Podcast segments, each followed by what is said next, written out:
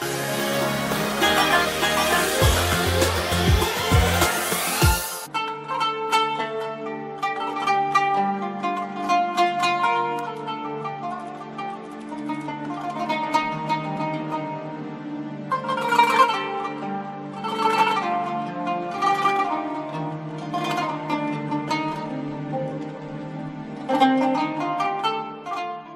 بسم الله الرحمن الرحيم الحمد لله والصلاة والسلام على سيدنا رسول الله وآله وصحبه ومن والاه. مع سيرة المصطفى والحبيب المجتبى صلى الله عليه وآله وسلم نعيش هذه اللحظات. عسى أن تتنزل علينا السكينة والرحمات. فإنه عند ذكره الشريف تتنزل السكنات والرحمات.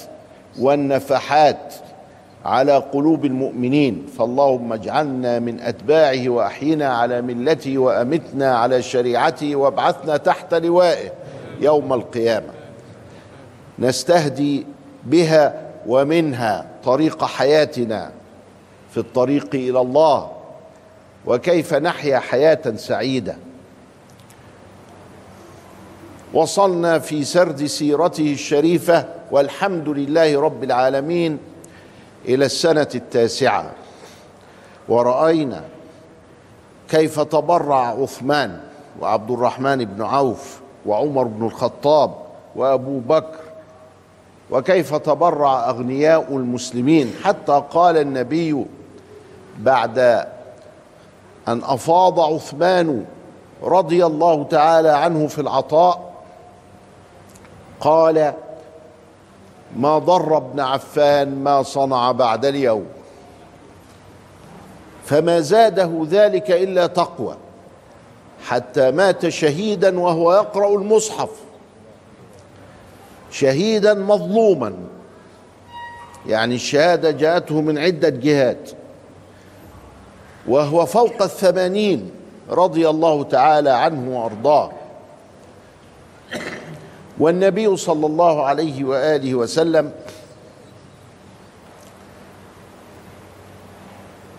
كان في كثير من الأحاديث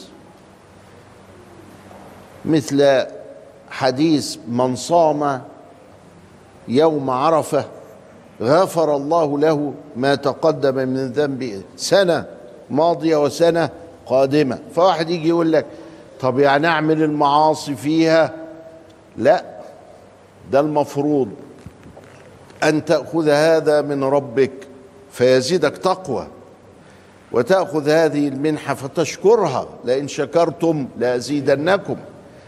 مش هي مرتع للفساد ابدا. فلما أن غفر الله ما تقدم من ذنب النبي وليس عنده ذنب وما تأخر ورفع درجته ازداد تقوى حتى لقي الله سبحانه وتعالى. فهذه البشر تزيدنا تقوى ولا تزيدنا معصية. خرج الجيش في ثلاثين ألف وذكرنا أن الثلاثين ألف مبلغ كبير دول كانوا في بدر 312 ولذلك عرفهم أين يذهبون. وأنهم يذهبون إلى تبوك حتى يرهبون هذا التهديد الروماني وحتى يرهبون العالم من أن يضربونه. وكلمة إرهاب في لغة العرب يعني التخويف يعني الحرب الاستباقية بدلا من أن يأتيني بلادي أصده من الخارج. وإنما مفهوم الإرهاب الحديث هو في لغة القرآن الإرجاف. الإرهاب دي كلمة حسنة لغويا فلما جم يترجموا من الأجنبي ترجموا إلى كلمة إرهاب كان لازم يترجموا إلى إرجاف. لئن لم ينتهي المنافقون والذين في قلوبهم مرض والمرجفون في المدينة لنغرينك بهم ثم لا يجاورونك فيها إلا قليلا. ملعونين أينما ثقفوا أخذوا وقتلوا تقتيلا. هم دول الإرهابيين اللي إحنا بنسميهم إرهابيين دلوقتي. وكلمة إرهاب مستعملة من بداية القرن العشرين خاصة بعد سطو بعد ظهور الشيوعية. فلما جاء اللبنانية وترجموا ترجموا إلى الإرهاب. أن الشيوعية تدعو إلى الإرهاب. ولكن الكلمة الشرعية لما يحدث من خوارج العصر هي الإرجاف اللي موجودة في سورة الأحزاب. خرج الجيش. وصار وسمي بجيش العسرة. الفلوس قليلة.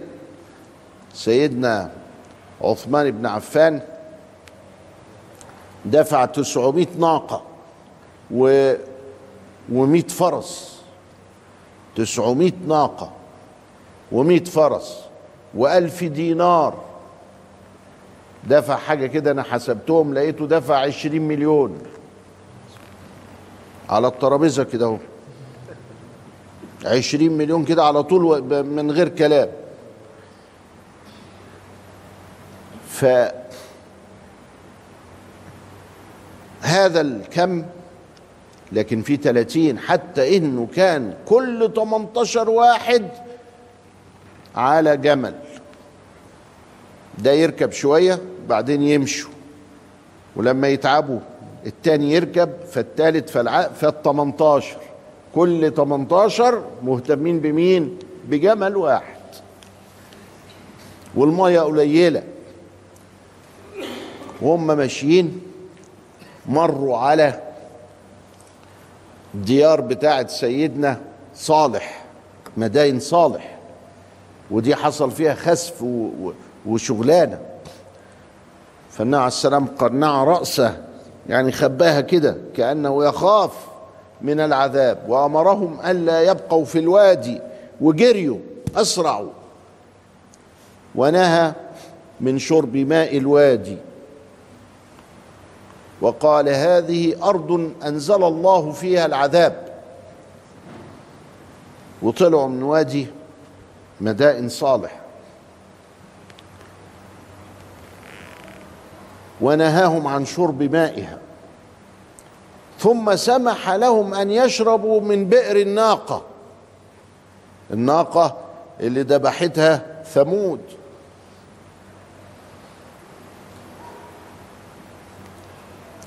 فشربوا منه وجدوه ماء عذب حلو في أمانة الله. وقلت بهم المؤنة. وحدث في معجزات النبي أنه وضع يده الشريفة في ركوة ماء ففاضت حتى سقط الجيش. كيف تكفرون وأنا فيكم؟ لأنهم شايفين المعجزات. سقى الجيش. ثلاثين ألف. شربوا وملوا الجراكن بتاعتهم كان لسه الجراكن ما اتوجدتش إنما يعني الحاجات الأوعية بتاعتهم كل واحد معاه حاجة كده يشيل فيها المية ملاها. أفضل المياه ماء قد نبع من بين أصابع النبي المتبع. يليه ماء زمزم فالكوثري. فنيل مصر ثم باقي الانهر ده ابن السبك اللي بيقول كده. تقي الدين. فسقى جيش. وبعدين لما قرب على تبوك شوية كده قال لهم يا جماعة تبوك فيها عين. عارف كل حاجة عليه الصلاة والسلام. تبوك فيها عين. والعين دي ما حدش يشرب منها. علشان أنا ليا تصرف تاني فيها. خلي بالك العين دي ما حدش يشرب منها لغاية أنا ما أجي. هو مش نهاهم عن الشرب منها هو عايز يعمل فيها حاجة. فاتنين برضو من الرجالة ما هو فيش فايدة لازم إيه الحكاية دي تحصل. فالقائد لازم يصبر على المخالفات. ما هو في مخالفة حصلت في أحد ضيعتنا في مخالفة حصلت في حنين. كنا على وشك الهزيمة. في مخالفة حصلت وهكذا. مخالفات تحصل كده لكن القائد لازم يلم ورا الناس بتوعه. نوع السلام ربنا بعته أسوة حسنة. فالاتنين شربوا من العين. فجه عبال هو ما وصل. قال في حد شرب من العين دي قالوا له إحنا يا رسول الله. يعني الناس آه، على باب ما سمعوش ما عملوش كذا. كانوا عطشانين قوي. قال فأعطاهم من الكلام ما أعطاهم. يبقى لما الشيخ يدي لك كلمتين ما تزعلش. فأعطاهم من الكلام ما أعطاهم. النص كده يقول لك فأعطاهم من الكلام ما أعطاهم يعني مول لهم في الكلام. ليه كده بس؟ وإيه اللي أنتوا بتعملوه ده؟ وهو كده بقى يعني ها؟ ما, ما قالولناش إيه هو الكلام اللي قاله سيدنا. بس يعني إيه؟ زعل. ثم إنه مد يده. هنعرف بقى الحكمة الايه ما تشربوش منها. مد يده وغسل وجهه. خد خد شوية مية وغسل وجهه وغسل يديه ووضع الغسالة في البئر ففاضت. يبقى دي لو كانوا سابوها كانت هتبقى نهر. ده لما خدوا منها ما يعني مثلا إيه زي إيه زي إنه الحاجة اللتر هنعمله مليون لتر. فاللتر راحوا واخدين منه تلات أرباع. يبقى الربع هنعمله مليون ربع. هيبقى 250 ألف. لكن لو كان مليون كان يكفينا وزود. تاخد بالك؟ حاجة محدودة كده. وبقول لك سيبها. يبقى تسيبها. لكنهم ما قدروش أو ما عرفوش أو كذا إلى آخره فراحوا واخدينها. ولكن بالباقي عمل هذه المعجزة بعد الفاصل. نواصل.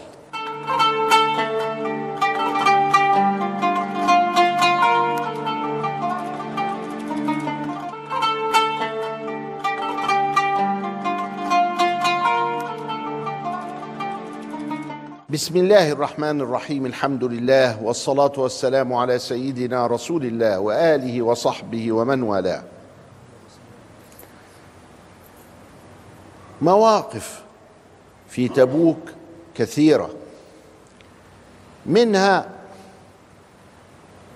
أنه صلى الله عليه وآله وسلم حذرهم من ريح شديدة آتية إعصار في الإعصار تجد إن هو يشيل العربيات ويشيل الشجر ويشيل وتلاقي بقرة موجودة في الهواء كده من يعني مش ريح شديدة زي إعصار كده. وأمرهم الا يقف منهم أحد. فواحد قال يعني إيه ما نوقفش يعني ما نوقف نشوف هي جاية منين؟ وقف طار. راح. ما نعرفش راح فين. يبقى في نكد للمعصية. ما تعصاش ابدا ام ربنا يوفقك. ويسترها معاك. الحاجات دي تاخد منها الكلام ده إنك ما تعصاش خليك على الله كده مع الله كده أهو. خليها على الله. ومنها أنه نزل تبوك وطلع في رجب من المدينة ورجع في رمضان بعد خمسين يوم. يعني قضى خمسين يوم. رايح جاي وبما هو مستقر هناك. قعد في تبوك قد إيه؟ عشان نعرف المسافة كانت بتاخد قد إيه؟ من الشام للمدينة قعد فيها عشرين يوم ثلاث أسابيع. يبقى المسافة خدت كام؟ راح جاي 30 يوم. يبقى إذا المسافة من الشام للمدينة 15 يوم. بالطريقة اللي هم كانوا بيسافروا بيها الإبل والفرس والبتاع وكذا. قافلة جيش يبقى ياخد ياخد المسافة دي في 15 يوم. ينزلوا بقى ويرتاحوا وبتاع ومش عارف إيه ما فيش مانع. لكن هي مسافة معناها 15 يوم. جلس هناك عشرين يوم. لما سمعت به الروم قالوا يا وقع سودة دول جايين ياكلونا. جايين ياكلونا. قال نصرت بالرعب شهر. يعني قبل شهر ما اوصل قمت تلاقيهم اترعبوا كده هم العيال بتوع التمثيليات دي اللي بيعملوها دلوقتي فاكرين ان هم لما هيذبحوا واحد هيرعبوا الناس. ده النبي يا حبيبي اللي ربنا خلاه يرعب الناس علشان يصدهم عنه من أذيتهم لكن أنتوا الأذية نفسها. ده أنتوا أذية بتأذوا الناس. لكن هو ما أذاش حد وما ذبحش حد كده. ده الله سبحانه وتعالى جعل عليه المهابة والجلال. انت بتمثل بقى كل الناس دي في جواها عايزة تبقى النبي وهيهات. آدي إنه قال الخوارج كلاب وأهل النار. ليه؟ لأن كل واحد عايز يعمل نبي. كل واحد فيهم عايز يعمل نبي. مسيلمة عايز يعمل نبي وعبد الله بن أبي عبد الله بن أبي بن سلول عايز يعمل نبي.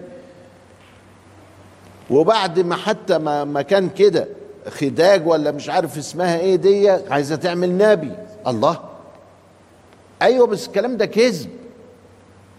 النبي هو نبي. ولذلك ربنا مأيده. لكن أنتوا مش أنبياء. ولذلك الحتة دي حتة مهمة جدا. ولذلك النبي عليه السلام قال لما تروح لحد وتنزله فأنزله على شرطك ورأيك مش شرط الإسلام. فلعلك تخطئ مراد الله. لما تروح تقول أنا عايز كذا مش الإسلام عايز كذا. الإسلام عايز كذا مين اللي يقولها؟ النبي بس. طب واللي بعده؟ اللي بعده يقول له أنا عايز كذا. اجتهادي وصلني لغاية قد كده. لكن لو إن الإسلام هو اللي عايز كذا وده هتيجي فيها إيه؟ التكفير. ما هو لما أنا أكون الإسلام يبقى اللي مخالفني يبقى كافر. لكن لما أنا واحد من المسلمين يبقى اللي يخالفني ما يبقاش كافر. يبقى مسلم زيي راس براس. أنا شايف كده وأنا شايف حاجة تانية. خلاص ما نكفرش بعض. لكن شوف الفرق. ده بيقول لك اللي يخالفني يبقى كافر. آه. أنت عايز تبقى نبي يعني. يعني أنت بتدعي النبوة ادعاء خفيا مش ادعاء ظاهرا كده. يبقى أنت أخس من مسيلمة. ليه أخس من مسيلمة؟ ليه؟ مسيلمة كانت عنده الشجاع ولا نفسي أبقى نبي. نفسي. أه ماشي أنت حر كل واحد يعيش مع روح أهو كفر وخلاص. نفسي أبقى نبي. لكن التاني التاني بيقول أنا عايز أبقى نبي ومش راضي يقول. بيخبي. بس كل التصرفات من الخارج مترتبة على إنك أنت معصوم وموحى إليك وتعرف الحق. الحقيق بالاتباع. وده المصيبة. هو دي المصائب اللي إحنا ما احناش عارفين. يا أولاد أنتوا بتعملوا غلطة كبيرة. يقول لك فين غلطة فين؟ أهو. أمرت أن أقاتل الناس. طب أمرتم مش أمرتم؟ الله. ده أمرت ده النبي. اللي عارف ده من ده وعارف ده وعارف المنافقين وهنشوف دلوقتي. فالنبي عليه السلام هناك. الجماعة العرب قبائل اللي في إليا واللي في تيماء واللي في تابوك واللي في دومة الجندل واللي مش عارف في أذرح وإلى آخره. جرباء. ناس كتيرة قبائل قاعدة في الحتت دي. مين القوة اللي موجودة في المنطقة؟ الروم. فهم خدمة للروم يعني في تفاهمات بينهم وبين الروم. لما لقوا الروم جريوا وده ابن عمنا سيدنا النبي عربي دي الحكاية اتغيرت كله ده جاي من بعد فتح مكة ودخول قريش في الإسلام. دي الحكاية اتغيرت. النبي عليه السلام ما كانش عنده في المدينة أصلا 30 ألف. مش 30 ألف مقاتل ده 30 ألف بس. هم كانوا 20 ألف كل أول عن آخر سكان المدينة. لكن ده جالوا من الآفاق ومستعدين بحياتهم لأنهم وجدوا نهضة تانية في البلد معاني أخرى غير بتاع الظلمة الرومان ولا الفسقة الفرس. فراحوا طالعين كده. فجالوا بتاع إليا ده ومعاه واحد برضه من جرباء ومعاه واحد من تيماء ومعاه واحد من دومة جندل بعت له خالد يجيبه. قال له وتراه يصيد البقر. فراح وجابه وكيدر وكيدر دومة الجندل. واتفق معاهم على الجزية. وخد من كل واحد فيهم ألفين بعير في السنة تبعتوهم لي. قالوا حاضر. حاضر دي جت ليه؟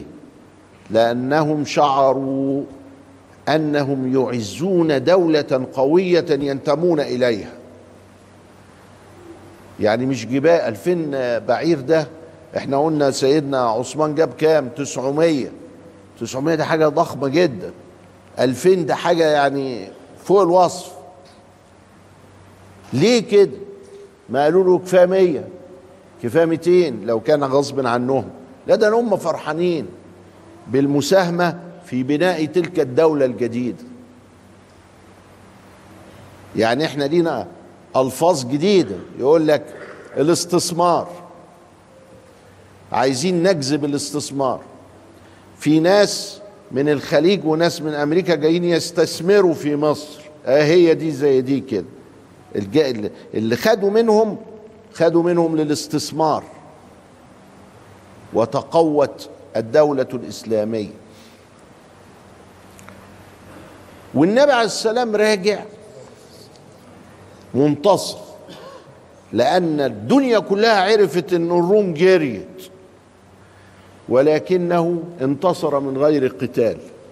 يا دوبك حرك الجيوش وداه هناك جلس خد المعاهدات وجاب له الجزية ورجع.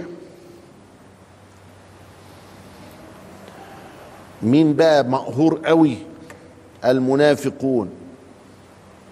منهم كم واحد المنافقون دول موجودين في الجيش. 12 واحد من المنافقين. فوهم راجعين حاولوا اغتيال النبي. خلاص وصل الأمر إلى إيه؟ اسودت الدنيا في عينيهم لأنهم رأوا الدولة وهي تبنى. الخوارج كده لما يحسوا إن الدولة بتتبني يتجننوا. المنافقون كده. فخلي بالكم من بلادكم. كل ما هيشوفوا البلد بتتنعنش كده وبتتبني هيموتوا. وهيموت معاهم أردوغان. إلى لقاء آخر أستودعكم الله والسلام عليكم ورحمة الله وبركاته.